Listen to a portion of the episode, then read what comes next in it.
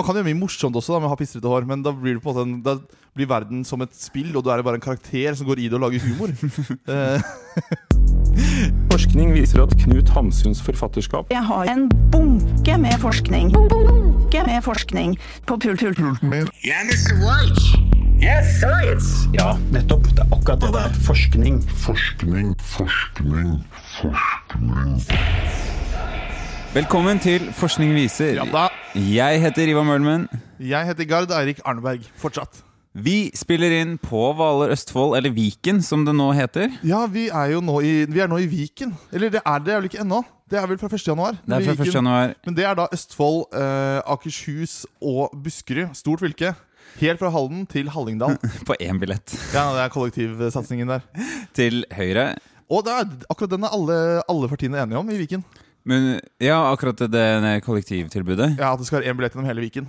Ja, Men det vil vel være vanskelig å videreføre da, fort når Viken skal legges ned? Eller hva skal oppstå? Ja, hvis det skal vi, det, det er mye spørsmål om Kanskje det blir sånne der høvdinger igjen? Sånne der Og det hadde vært gøy at det blir en hvaler eh, en, en, en fyr som har ansvar for hvaler, som har eh, to sverd, eller spyd, og litt sånn gammeldags eh, skal. Som få- vikinghøvding. Så hvis du skal pusse opp garasjen din, så må du bort til eh, Sverd-Jon og så Ja, overtale han i duell til at du kan få det tilbygget på hytta, kanskje. Ja, kanskje. Han er gira på å invadere Hallingdal, da.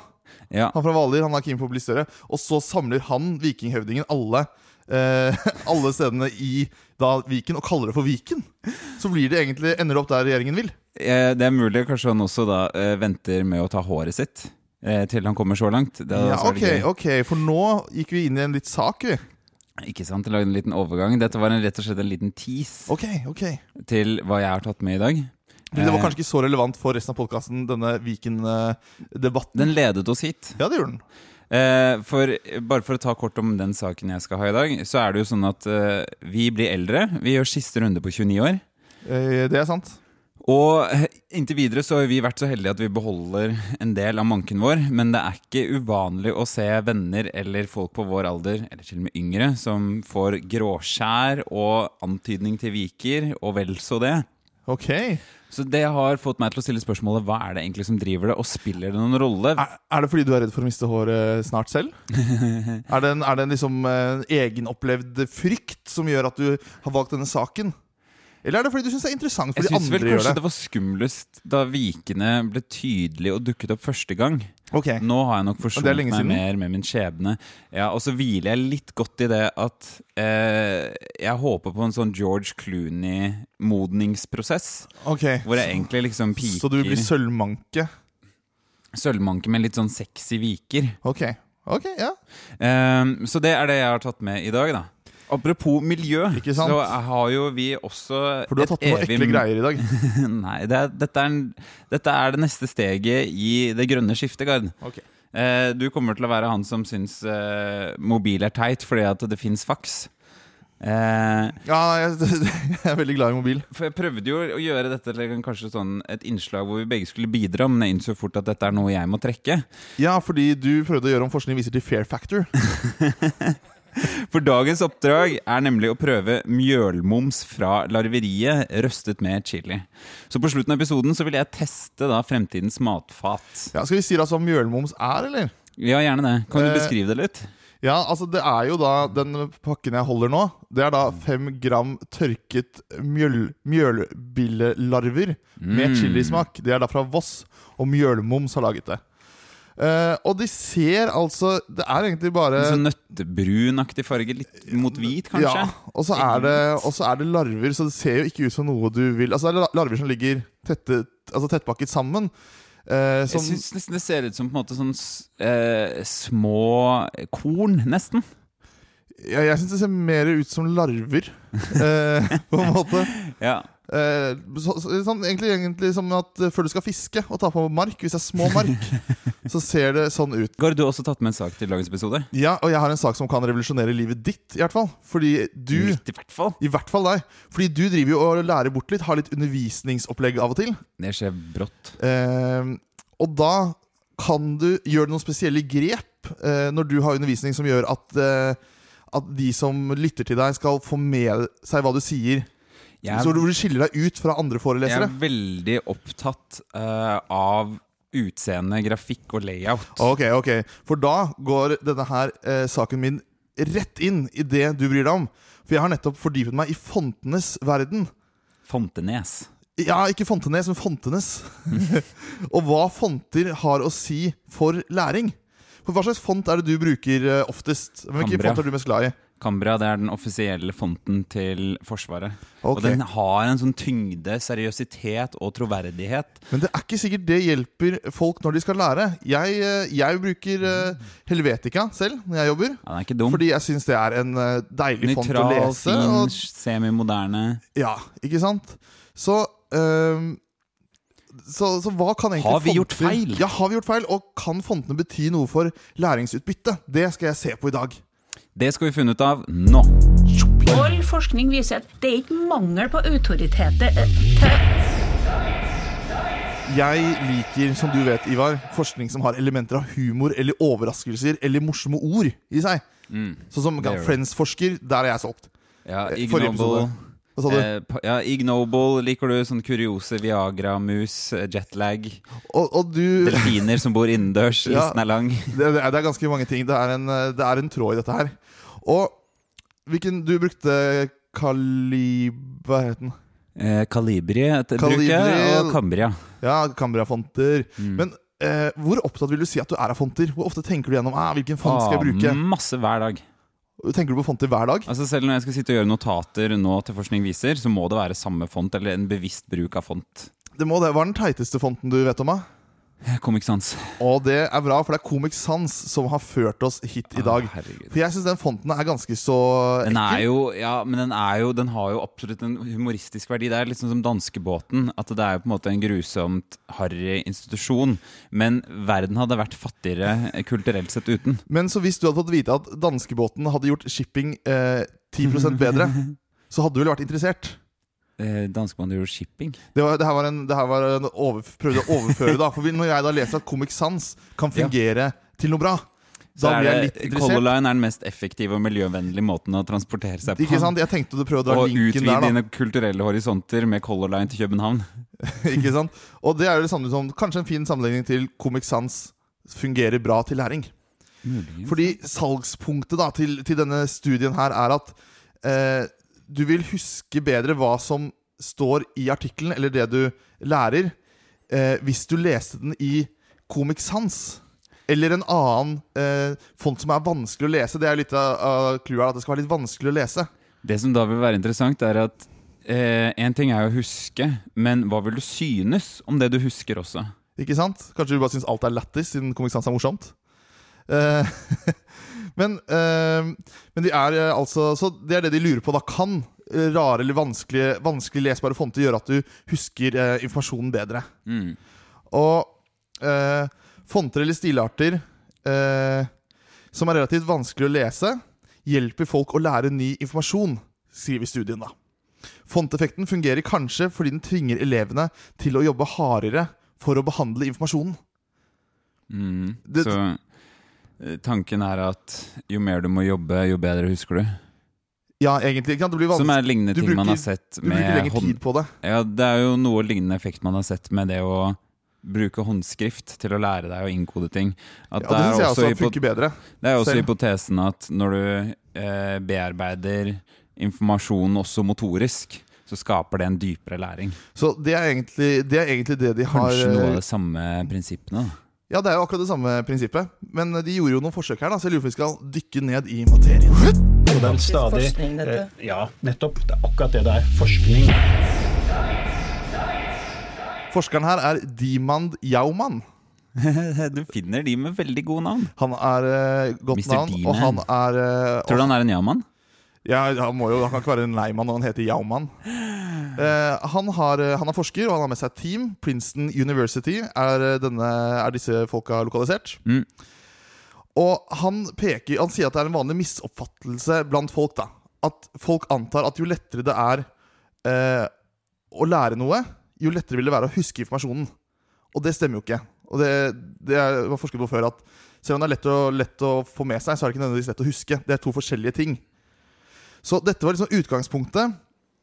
for å finne ut om dumme og vanskelige fonter eh, er smart. Mm. Så hvordan ville du, eh, du som forsker Du heter Du er på teamet til Jaumann, Ivar. Ja. Og du heter Ivar Naumann. Så dere, er egentlig, dere kommer til å bli nemesis senere. Hvordan ville du gått frem, da? For å finne ut av denne, denne hypotesen de hadde.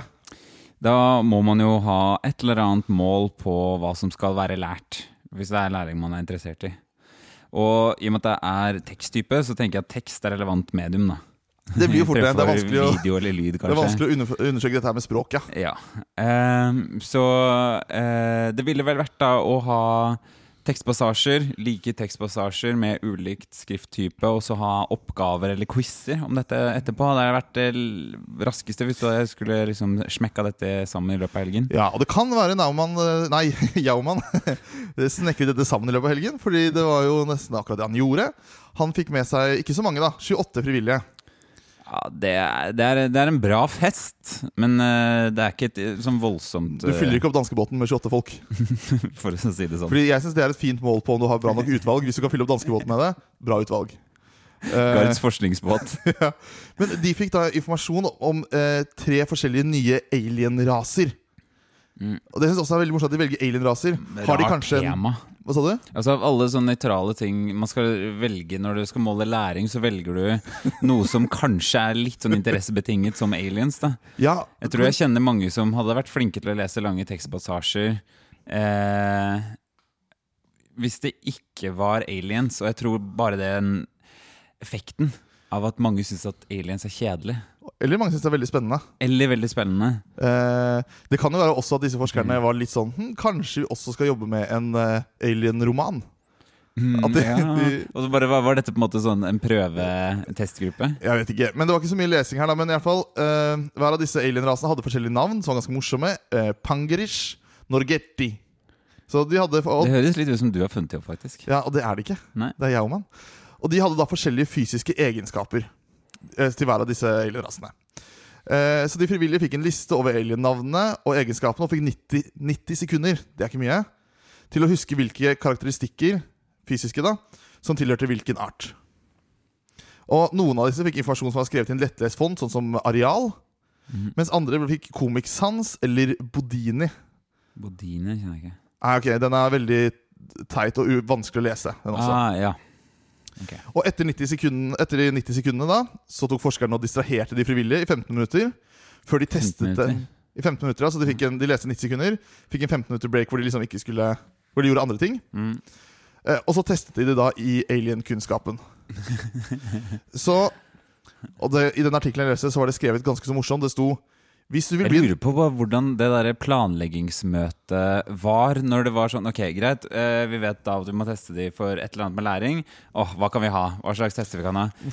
Skal vi ha hunder? Nei, Nei, det er ikke morsomt hva, nok. Hva med liksom ha kanskje sånn tekstutdrag, et sånn klassisk verk, eller et eller annet sånn typisk sånn bok, en roman, eh, eller noe sånt?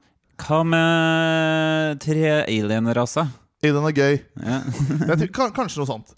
Men eh, eh, Og hvis du da vil bli alien hunter, så viser det seg at du bør studere med Comic Sans. Æsj. Fordi de som leste listen skrevet med Comic Sans eh, eller den andre fonten, de skåret gjennomsnittlig 14 prosentpoeng høyere enn de som leste i areal. De husket Mm. 86,5 av informasjonen riktig, mot 72,8 Nå skal det jo sies også at dette her er 14 mennesker, nei, 28 mennesker, så det er Ja. ikke veldig mange. Det sant. Så hvis vi nå skal si noen av hovedproblemene her, Ja. så vil jo jeg trekke frem at sånn som du sa, memorering av alienraser og egenskaper til aliens er ikke den vanligste formen for læring. på en måte. Det er ikke det man ofte lærer først. Og så er det, jeg vet ikke, men det er mulig at de som digger aliens, også digger Comic Sans. Så det kan være det hadde vært en annen det kan, Kanskje vi er inne på en ny studie der som bør Mm. gjøres. Hva man skal bruke det til. For da kan noen andre ha Dette er forskning vi trenger. Noen må finne ut av dette nå. Trenger, jeg trenger mer forskning på Ja. aliens og Comic Sans. Så, men hodet, altså, det er noen problemer her. Få mennesker, kanskje litt rart premiss eller innhold. Ja, det var i hvert fall ikke et, Det er vanskelig kanskje å si nøytralt tema, da. Men uh, at det er avhengig av interesse, i hvert fall. Men da tenker jo jeg man Ok, spennende funn. La oss gjøre dette i større skala. Mm, ja, bra, ikke sant? Eh, forskerne fikk med seg seks lærere i forskjellige fag. Engelsk, historie, kjemi osv. Litt sånn typiske fag. Typiske fag. Ja, ikke ikke, ikke ikke kunst minus håndverk, på en måte. Eller sånn samisk sidespråk, for Det har vært veldig rart å ha hatt i Ohio. Eh, og det var, en, ja, det var en offentlig skole i Ohio, da. Eh, vet du Vet du hva hovedstaden er der, Livar? Statshovedstaden? Ja. Hva er det? Cincinnati. Å, du er, Jeg tror det, i hvert fall. du er en geografibøff. Ja. Eh, og lærerne, da, eh, de sendte over eh, undervisningsmateriellet til eh, Diman Yauman og hans team. Fordi, Det synes jeg også er litt morsomt, for han er tydeligvis en teknologisk superbruker. For det han gjorde, var å endre skrifttypene. Mm. Da om til Comic Sans, Hattenschueller og Kursiva. Corsiva. Mm. Eh, tre ganske vanskelig leste fonter. Og hvis det ikke var eh, digitalt, altså hvis de hadde bare på papir, eh, så gjorde han sånn at arkene ble uskarpe. Han printet de, og så bare dyttet han litt på de. Så det skulle bli vanskeligere å lese det som sto. Ok. Hvorfor gjør han det? Jo, for at han mente at det var Det skulle bli van altså det er på en måte litt det samme Å, som sånn, ja. Han at gjøre det gjøre vanskeligere å lese. Det skal ta lengre tid å få det inn, da. Ja. Og han var utvalget på 222 elever. Og det varte, varte to uker ish, mellom en og en halv uke og en måned. Kom litt an på hvor lenge eh, fagene de hadde da, var. Det de hadde om. Og noen klasser da fikk utdelt eh, materiell i vanskelig skrift, de skriftene vi var innom i stad, mens noen fikk en lettlest skrift. Og det som ble resultatet her, var at det var samme resultat cirka, som i laboratoriet. Ok. At de så at, eh, at de som hadde da fått vanskelig, husket bedre ca. samme 72,8 og 86,5. Så det samsvarte det de hadde eh, allerede fått. Ja, og det, nå var det annet material de skulle lære. Nå var Nå det det jo undervisningsmateriellet de faktisk faktisk hadde på skolen. Hmm. Eh, og så var det jo noen fag det var sånn som Kjemi var det, større, var det mindre forskjell enn i f.eks. Eh, engelsk. da Ja. eh, Så de var usikre på om det de hadde funnet i laboratoriet, skulle fungere i klasserommet. Så de var positivt overrasket, sier Diman Yaman. Det er jo litt spennende. Så hvilke det, tanker gjør du deg, Ivar? Det er jo litt illevarslende, da, for eh, Kanskje moralen er at man burde heller da lese mindre, men viktigere og vanskeligere ting. Eh, ja, det kan være. De gjorde også en undersøkelse eh, Bare litt videre her De gjorde en undersøkelse om hvordan elevene hva de følte overfor materialet. Om de syntes det var mer eh, måte, irriterende å lese eller andre Mm. ting. Og det viste seg at det var ikke noe forskjell på hvor godt de likte stoffet, uavhengig av skrifttype. Det er rart. Eh, og det kan jo også være at etter hvert blir du jo veldig vant til det. Du blir jo vant til denne komiksansen. comic-sansen. Men hvorfor, hvis du er vant til det, hvorfor gjør du det da bedre? Ja, det kan jo være du fortsatt bruker lengre tid, da, selv om du blir vant til det. At det er, du bruker noe lengre tid Ja, på hvert ord. tid står det ikke her, da, i og for seg. Nei, for jeg vil jo tenke at kanskje det er så enkelt at de brukte noe lengre tid på hver tekstpassasje, da, for eksempel. Eh, Mm. Ja, så, Det ville vært interessant å også se i et fremtidig studium. Ja, fordi at eh, Fordi at det, de konkluderer egentlig ikke så veldig hardt med noe. De konkluderer vel egentlig med at Og de konkluderer jo heller ikke hva de syns om kunnskapen, om de tenker at den er troverdig, eller om de stoler på det. Uh, Ja, de, så de, de er iallfall enige om at det, trengs me, at det er spennende at det trengs mer forskning på Mm. området. Sånn er sånn, Det står i alle artikler, nesten. Ja, det er Eh, rart. Men de mener jo at uh, fonter er ganske enkelt og billig å erstatte. Og at det kan være en måte å øke læringsutbyttet på uten at den som underviser, trenger å endre undervisningsstil. Ja, men det, jeg, jeg tenker også som troverdighet som foreleser. Hvis jeg, for i, I er- så fall så burde jo jeg lære veldig mye av eh, mange av de som jeg jobber med, som har powerpoint-prestasjoner, som bruker maler fra midten av 2000-tallet, Ja. med nettopp Comic Sans. Ah, Noe jeg syns er perverst grusomt å se på. For jeg er enig i at dette med troverdighet som Jeg hadde nok ikke følt meg eh, så veldig vel hvis jeg hadde en powerpoint-presentasjon med Comic Sans. Jeg hadde nok blitt en dårligere foreleser. Men det kan godt hende det kan godt hende du blir husket, men da blir du husket for å være ganske eh, ha ganske dårlig estetisk sans, vil jeg hevde. Ja, for, fordi Ja, det kan, vi, det kan vi ta etterpå her, men eh, Men kanskje da type kommunal estetikk og disse gamle Ja. overheadene og powerpointene som du snakker om Kanskje de egentlig har visst det hele tiden, og de har egentlig truffet deg. Så vi har gjort narr av dem, men de, De har, det gamle egentlig de som er har- eldst. ja, kanskje de gamle rett og slett er eldst. Eh, vi går over til en, eh, en litt avslutning på det. Det er mye som ikke lar seg måle og kvantifisere, og det er vi helt enig i. I dag, Ivar, så har vi lært litt, dag, eh, litt om fonter. Yeah. Blant annet Comic Sans. Og basert på den nye informasjonen vi har, eh, vi har lært nå, Mm. eh, kommer du til å endre hvordan du legger opp undervisningsopplegg rent fontmessig? Nei! Hvorfor det? Er det fordi du er redd for å bli han foreleseren som bruker Comic Sans? Eh, det er jeg ikke så redd for. Altså, hvem, Om jeg blir han eller han, det er ikke så farlig. Men jeg hadde følt at jeg hadde solgt min sjel overfor meg selv hvis jeg hadde tatt i Comic Sans noe annet enn en humoristisk sammenheng. Skulle, men det som derimot kanskje kan være lurt, som jeg kom på nå som slo meg brått, var at eh, til bursdager eller hvis du skal ha viktig informasjon som pakkeliste, oppmøtetidspunkt, frister, Type betalingsinformasjon her. Eh, for eksempel, eller velkommen til bryllup eller eh, 30-årslag som treffer ganske snart, så burde vi egentlig da skrive det i veldig irriterende skriftstørrelse, eller skrifttype, for Ja. da kommer det mest sannsynligvis til å bli husket. Og da kan det funke som et humoristisk virkemiddel. Ja, for det er jo ellevill humor, dette her. Det er jo komikk. Men, men, eh, men eh, la oss si at eh, de gjorde en, kjempebra undersøkelse med et mye større utvalg, og de hadde fulgt mye nøyere, hatt flere parametere. Hva sa du? En hel danskebåt. En hel danskebåt med folk, og du så at f.eks. hvis du foreleste med Comic Sans, Mm. så så du at de husket f.eks. Eh, 50% mer da, av den, font, eh, av den fonttypen. Det er jo et gitt scenario, dette her. Ja.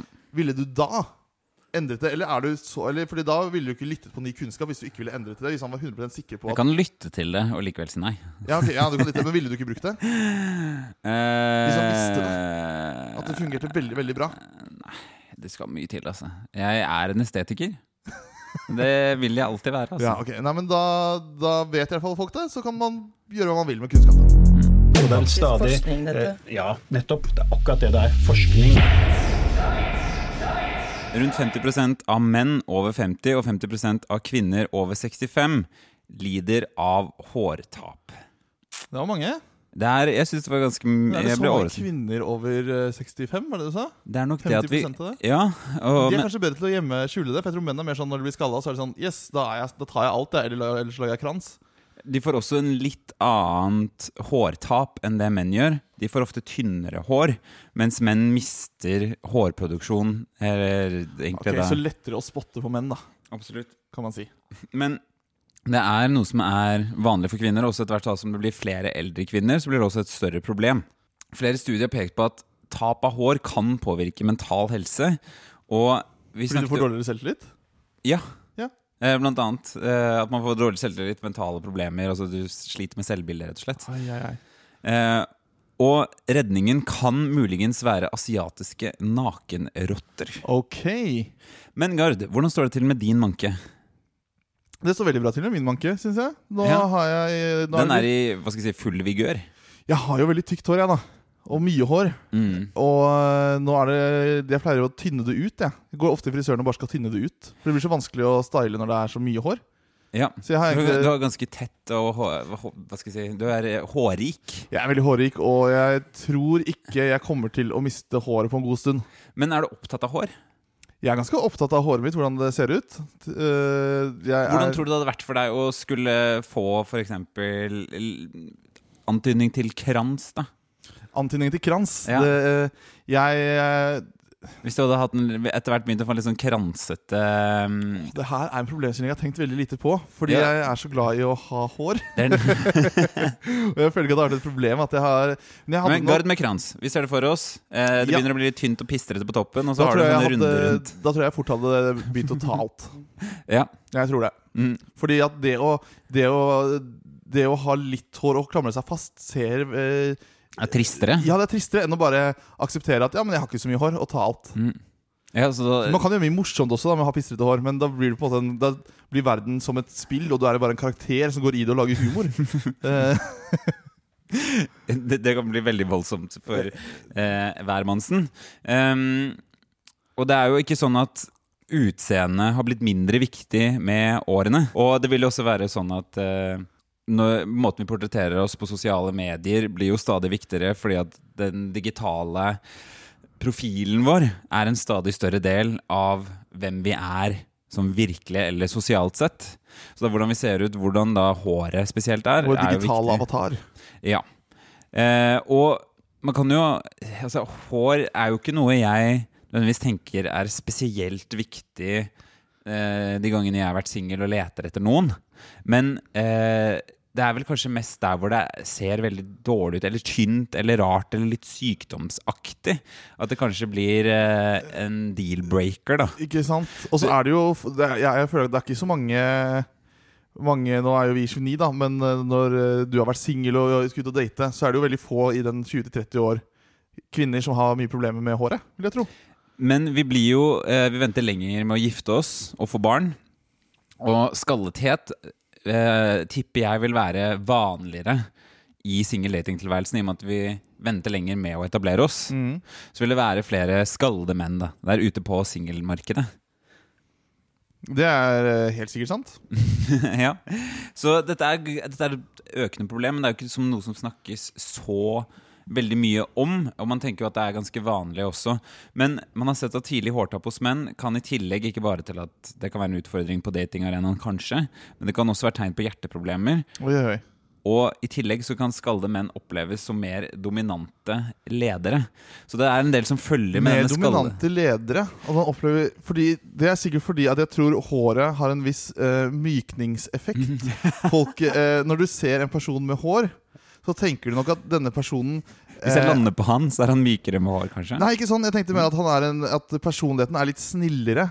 At, mm. at, eh. Han er ikke så aggressiv mot håret sitt, at, bølgene, at bølgene i håret viser noe om en litt sånn eh, bølgete personlighet. Mm, ja. Eh, mens, mens folk som er skallet, eh, kanskje blir, virker mer aggressive og sinte. Dette er en sylskarp analyseguide. kanskje med kortere lunte. Jeg vet ikke helt hvorfor. Det er bare Ja, mine fordi at, tanker. på en måte, hår, håres, eh, hårstråene kan på en måte simulere en sånn lunteeffekt. Ikke sant? Så jo lenger hår, jo lengre lunte har du som leder. Hvis du tenner på en skalla fyr, så smeller den jo med en gang. Ja, det hadde, Nå fikk jeg litt lyst til å gå ut og, og gjøre studier på ledere, og om håret har noe å si for hva slags eh, type leder du er. Det, det har i hvert fall en del å si, og det omsettes for 3,6 milliarder dollar i, i USA eh, for hårprodukter, som kan være alt fra eh, kosttilskudd, sjampoer, laserproduserende hjelmer og til og med kirurgi. Det er, jeg tror jeg har faktisk blitt uh, targetet litt på det her, på mm. Facebook. Ja. Uh, at jeg får opp uh, videoer om hvordan å Hvordan å få Hvis du har hårtapp. Eh, jeg bare tror de targeter litt feil, for jeg er ikke så veldig interessert i det. Så jeg, jeg bare ser at det dukker opp. Men det kan jo være fordi jeg er i dette 30-årsalderen. De tenker at ah, de skal vite at når de begynner å miste håret, så skal de gå til oss. Haha. Og det er jo tydeligvis i hvert fall en ganske stor industri. Du har også selv opplevd, selv ikke deg, som i det hele tatt syns dette er aktuelt, eh, merker kjøpepresset på disse produktene. Det er nesten så jeg har lyst på det bare fordi det er så mye reklame. Skaper behovet. Ja, ja, du støtter på en måte selve prosjektet eller sektoren. ja, jeg har ikke gjort det ennå, da. Så hva tror du skaper skallethet, da? Du Hvorfor, hvorfor om håper det. Ja. Det er, vel, det er vel mye gener, da. Arv Ja. tror, jeg er det, tror jeg er det viktigste. Mm, det er en del av det. Ja, Og så vil, vil jeg jo tro at uh, høyt stressnivå over tid, kanskje, stress, Ja. kan, uh, kan gjøre slik at uh, håret får dårligere betingelser å gro på. Jeg vet ikke, Eller at du mister det. Absolutt. Og så Eh, jeg jeg, håper at hovedgrunnen er fordi folk blir så frustrerte at de river seg i håret. Men jeg, men jeg tror ikke det. Mm, Nei, jeg tror heller ikke Jeg tror arv er det viktigste. da. Og så Ja. tror jeg sånn stress og Og så er det jo sikkert med ja, flere ting. Alder kanskje tenker jeg vil være det viktigste. Ja, alder. Ja, selvfølgelig. Eh, og man har sett at det er eh, Alder kan du ikke gjøre så mye med. Ikke arv heller, for så vidt. Nei, du kan jo bare stoppe i og for seg. Stress kan du gjøre noe med. Eh, men man har sett at et eh, hormon som heter dihydrotestosteron, Ja. har blitt linket til hårproduksjon. Eh, dette hormonet hemmer produksjonen av hårskapning i hårsekkene. For hvert lite, hver, hver lille hårsekk er et eget organ som har ulike faser som det går gjennom for å lage hår.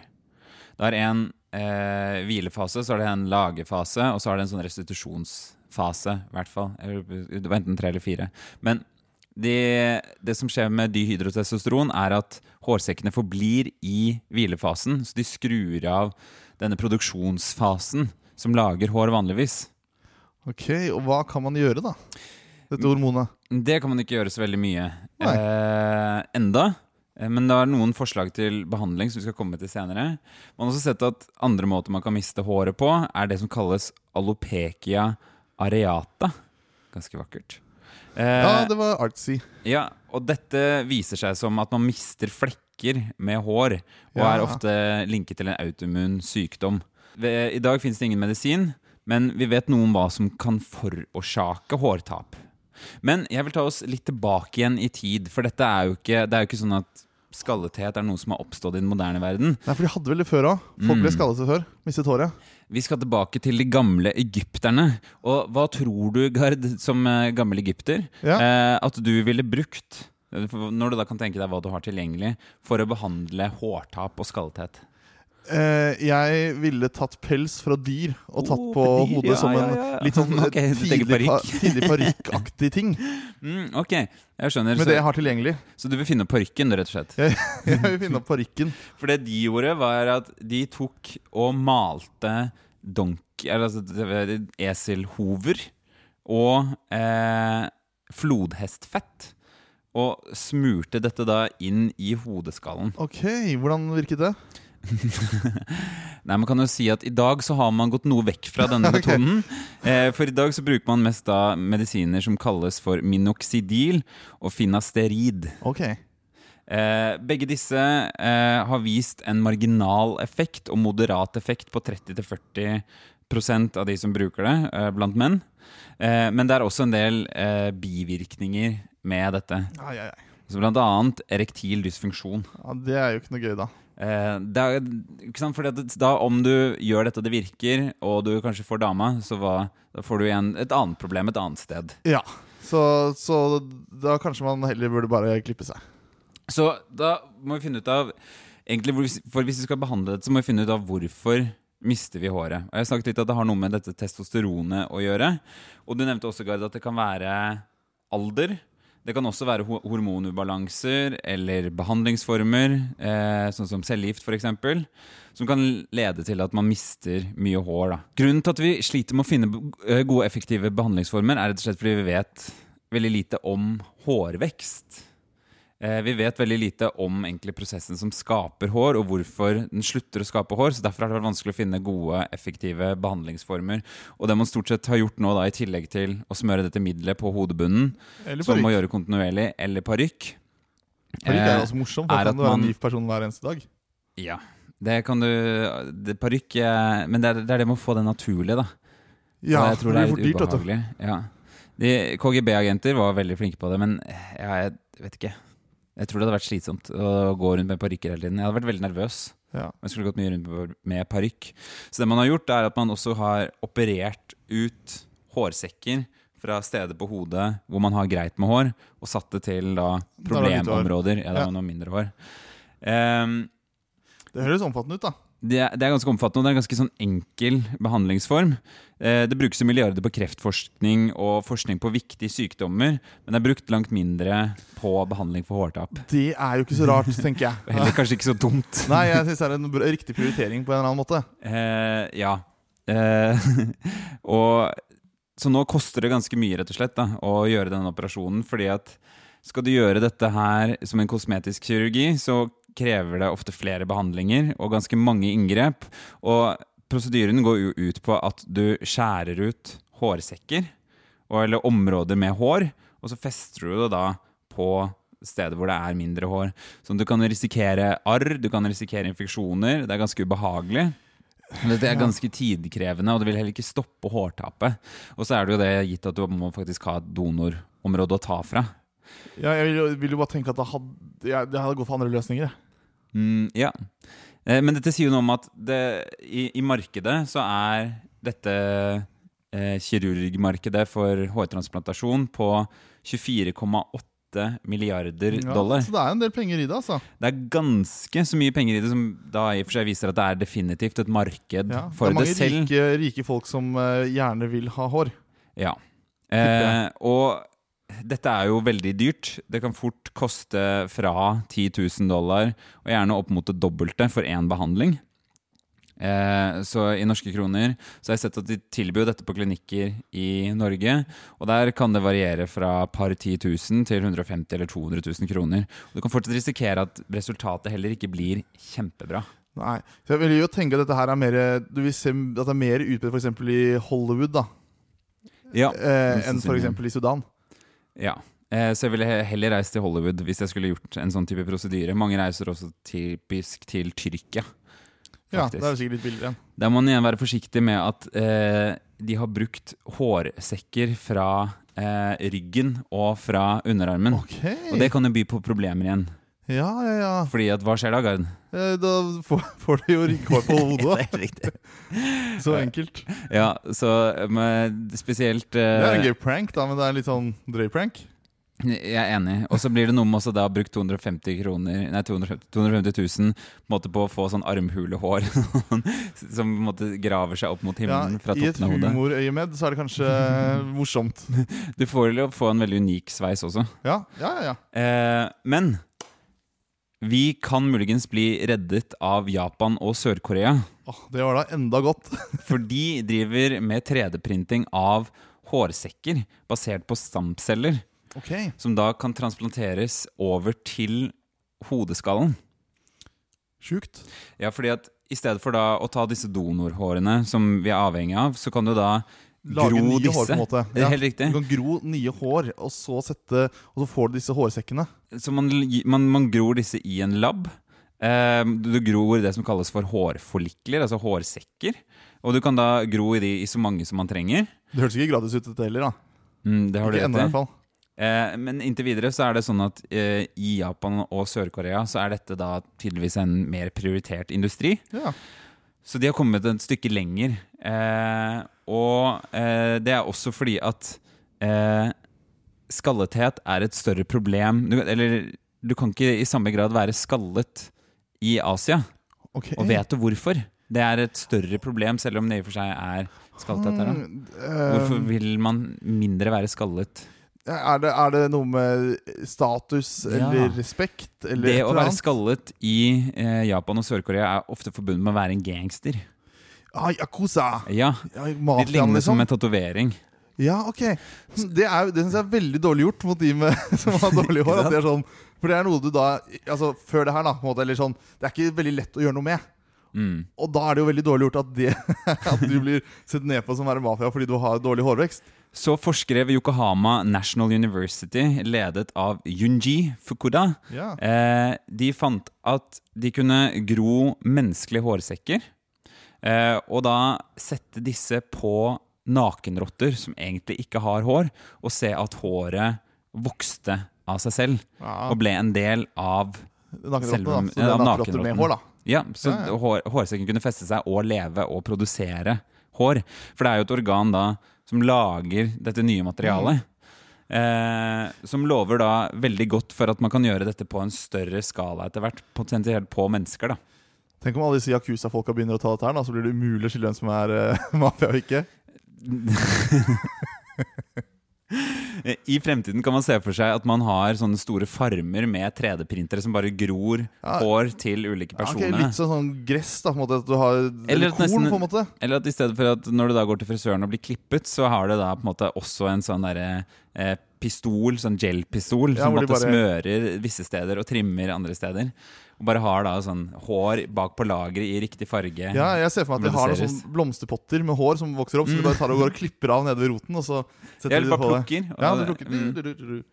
Eh, vi er nok litt unna ved, for det å- ved å komme så langt. Fordi at et problem med dette er jo, som du nevnte, Gard, at det er veldig dyrt.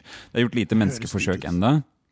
Og en stor utfordring er å få formen på hårsekken til å være nøyaktig lik. Ja. Fordi at akkurat hvordan håret vokser, er jo veldig viktig. En ting de opplevde i dette rotteeksperimentet, var jo at eh, håret kunne veldig fort gro innover eller utover. Du hadde ikke kontroll på hvor det grodde. Nei, sånn at det å lage en sånn struktur rundt hårsekkene for å skape riktig retning har vært ve- veldig viktig, og nå er det en stor sånn forskningskonkurranse på hvordan da man skal lage dette stillaset, som de kaller det, rundt hårsekkene for okay. å få det til å gro. En liten side note her hadde vært vært ganske spennende et annet forskningseksperiment. Mm. Å se hva som gjorde hvis du hadde puttet den nakenrotten med hår tilbake i flokken sin av andre nakenrotter uten hår. For å se hvordan gruppedynamikken hadde fungert når en hadde fått hår. Du tenker Jeg litt sånn rotte-BH-hår. Ja, jeg ser for meg en Ignoble i det fjerne her, med, med at han eh, Ja, nei, men det hadde kanskje vært spennende. Men Jeg er helt enig, så det blir i så fall en oppfølgingssak. Ja, det hadde eh, vært gøy. kommer til å leve Skal sende en mail til han eh, Jakafoma. Dette er jo også en metode som baserer seg på at man lager nye hårsekker. Det er jo også en utfordring med det å ta fremmede organer utenfra kroppen, selv om det opprinnelig kan være dine celler, og putte de tilbake igjen i kroppen og integrere dem. For det er egentlig som å ta et mikroskopisk lite organ og putte det tilbake på kroppen. Det er jo reelt sett menneskeceller som du har sammensmeltet med rotteceller i dette forsøket. Ja. Eh, Det er menneskehår, og det er jo en ting er det etiske ved det, kanskje, men det er jo også noe med det at man er usikker på hvordan disse cellene vil utvikle seg. ja. For vil de da utvikle seg likt sånn som de normale hårcellene, eller kan de begynne å mutere, bli kreftformer, sånn type ting? Det må de forske mer på vet, før de begynner. Helt enig. Der, vet du hva, det var sånn på sakte, den. En annen metode som man har lyst til å undersøke, er at eh, hårsekkene er ikke det som egentlig mangler på når man blir skallet. Det er det at du slutter å produsere hår. Det håret som produserer, blir tynt og nesten ikke synlig. Så det finnes en forsker som heter Paus. Paus. Tysk. Eh, ja. Eh, hæ? Tysk. Nei, amerikansk. Ja. Jeg vet ikke at du sa yes når jeg sa paus. og tysk, så ble jeg sånn glad. Ja, eh, jeg jeg, jeg, trodde det var mer sånn rop, rop bare sånn begeistring. Ja. Sånn, yes, pal! Paus har funnet et legemiddel som eh, egentlig er brukt mot autoimmune sykdommer, som heter syklosporin. Som hadde en uønsket sideeffekt, eller bivirkning, om da hårvekst. Så han har da prøvd å finne ut hvordan han Hvorfor, kan den, hvorfor håret begynner å vokse da? Ja, Ja, okay. så han har sett om, dette, om det finnes der eventuelt noen medisiner som kan starte denne prosessen med å produsere hår igjen. Da. Sånn at det, de hårsekkene som har gått og lagt seg, da kan vekkes til live igjen. Men, eh, har, han, har han klart det, da? nei, nei, nei det, er, det er ingen som har kommet ennå. Og de tidligste menneskestudiene eller behandlingene som det anslås nå, vil være sånn ca. midten 2020-tallet. Altså 2024-2025. Ah, ok, Så det er en stund igjen. Det er et par år, og dette vil utvilsomt være tilgjengelig for de aller rikeste med de dypeste lommebøkene til å starte med. Ja, ja. Det må jo også Sånn være er det alltid. Jo, men altså tenker jeg Du må ha ganske mye penger ganske fort. Fordi at hvis du tar en dyr hårbehandling når du er sånn 50 år, da og du Så du sitter i en bestejobb, ja, ja. og så har du en ganske sånn solid munkekrans, og så går det tilbake til ungdomshåret du hadde da du var på videregående Så en litt sånn moral på en måte på at det bør jo være at du bør være rik fra du er 30, da. Ja. er det ikke fint uh, å lande sånn som cirka der? Jo. Så eh, er du bekymret for å bli skallet, Høres ikke veldig sånn ut. Jeg er ikke veldig bekymret for det. Spør meg igjen om 30 år. Men hadde du vært villig til å betale for en behandling hvis det ble nødvendig? Jeg, jeg, jeg, jeg tror ikke det. Nei.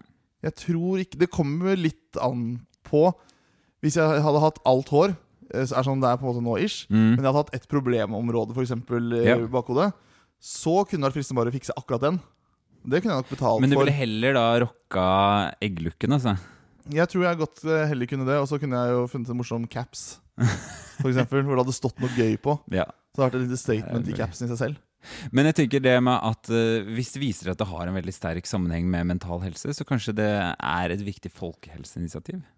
Men uansett, behandlingen må jo komme først, så vi får nesten bare vente og se.